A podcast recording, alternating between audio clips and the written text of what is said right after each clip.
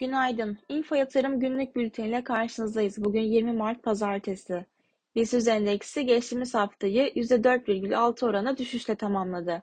En çok kazandıran sektör grubu ticaret olurken en çok kaybettiren sektör iletişim oldu.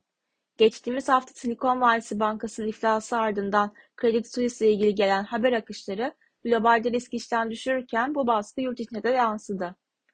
Diğer yandan Merkez Bankası kararlarını takip ediyoruz. ECB'den geçen hafta gerçekleşen faiz kararında 50 bas puanlık faiz artırma kesin gözüyle bakılırken gelen haber akışları ECB'de faiz belirsizliğine zorlayacak gibi göstermişti.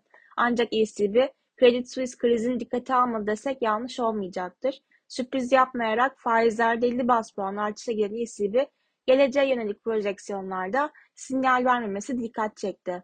Bu hafta piyasalar FED kararına odaklanırken finansal sistemle ilgili haber akışları yakından takip edilecek. Fed'in 22 Mart'ta gerçekleştireceği toplantısında 25 bas puanlık artışa gitme ihtimali anketlerde %60 seviyesinde fiyatlanıyor.